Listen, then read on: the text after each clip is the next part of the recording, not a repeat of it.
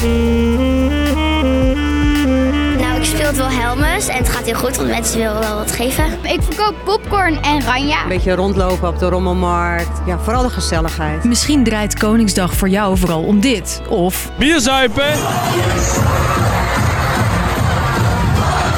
volksfeest, hè? Het is altijd leuk en super druk gezellig. Of sta jij er heel anders in? Er zijn zat gelegenheden waar wij een nationale feestdag aan kunnen koppelen. Aan het land en aan de geschiedenis en aan onze vrijheid, onze democratie. Maar niet, niet aan een familie eh, die nog eens eh, eh, aan een afgeschaft feodaal stelsel is gekoppeld. Dat vind ik heel raar. Waarom vieren we eigenlijk Koningsdag? En is de monarchie nog wel van deze tijd? Daar ga ik, Chrisje, het over hebben in deze aflevering van Lang verhaal kort. Een podcast van NOS op 3 en 3FM. Op 31 augustus 1885 vierde Nederland voor het eerst Prinsessendag, de voorloper van Koningsdag. Prinses Wilhelmina werd toen vijf jaar oud. Het idee voor het feest kwam van de hoofdredacteur van een lokale krant in Utrecht, die de nationale eenheid wilde bevorderen. In gezelschap van haar kinderen en kleinkinderen neemt onze vorstin op het bordes van het paleis een zanghulde in ontvangst. Prinses Wilhelmina werd koningin Wilhelmina. En zo werd Prinsessendag Koninginnedag. Dat groeide uit tot een echt volksfeest. Op de weg voor het paleis zijn duizenden en duizenden mensen bijeengestroomd. Muziekkorpsen hebben zich opgesteld op het groene gazon. En direct zal begonnen worden met het défilé. Toen koningin Wilhelmina werd opgevolgd door haar dochter Juliana, verplaatste Koninginnedag naar haar verjaardag, 30 april. Een datum die haar dochter, Beatrix, uit respect bleef vieren. Hielp ook wel mee dat het vaak wel lekker weer is eind april. Anders dan op Beatrix haar eigen verjaardag in de winter. En Beatrix gaf een nieuwe slinger aan de viering. In plaats van mensen naar haar paleis toe te laten komen voor felicitaties, zoals haar voorgangers deden, trok ze zelf het land in.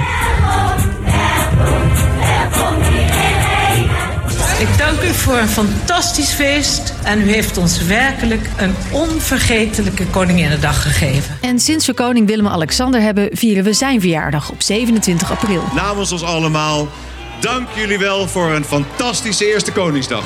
En hij doet het op dezelfde manier als zijn moeder. Ja, waarom moet je iets veranderen wat een succes is?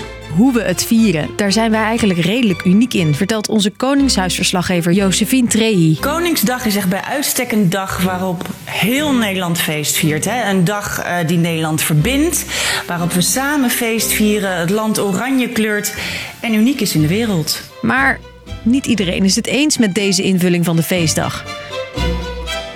Die zien bijvoorbeeld meer in. De dag van de democratie of zo. Dat je dat één keer per jaar viert met z'n allen.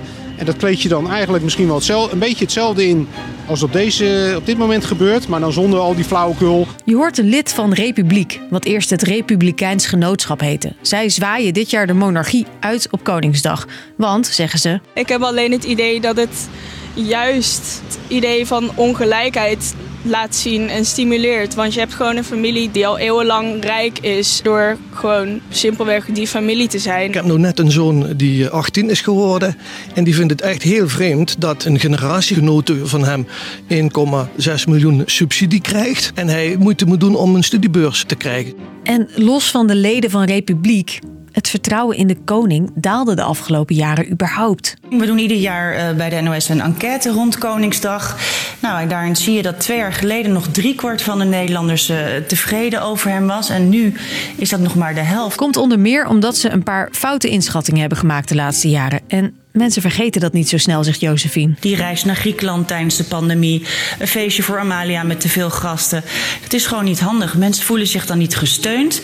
Alsof hij ook geen feeling heeft met de maatschappij. En de discussie die vaak terugkomt: het Koningshuis kost het land veel geld. Maar feit is dat leden van het Koninklijk Huis uh, veel geld verdienen. De koning krijgt ruim 1 miljoen uh, salaris en daarnaast nog ruim 5 miljoen uh, voor onkosten. Amalia krijgt ook een uitkering sinds ze 18 is, maar zij heeft daarvan afgezien en dat geld teruggestort omdat ze nog niet in functie treedt. Ze heeft nu een tussenjaar en daarna gaat ze studeren. En nu we het toch over Amalia hebben, de troonopvolger.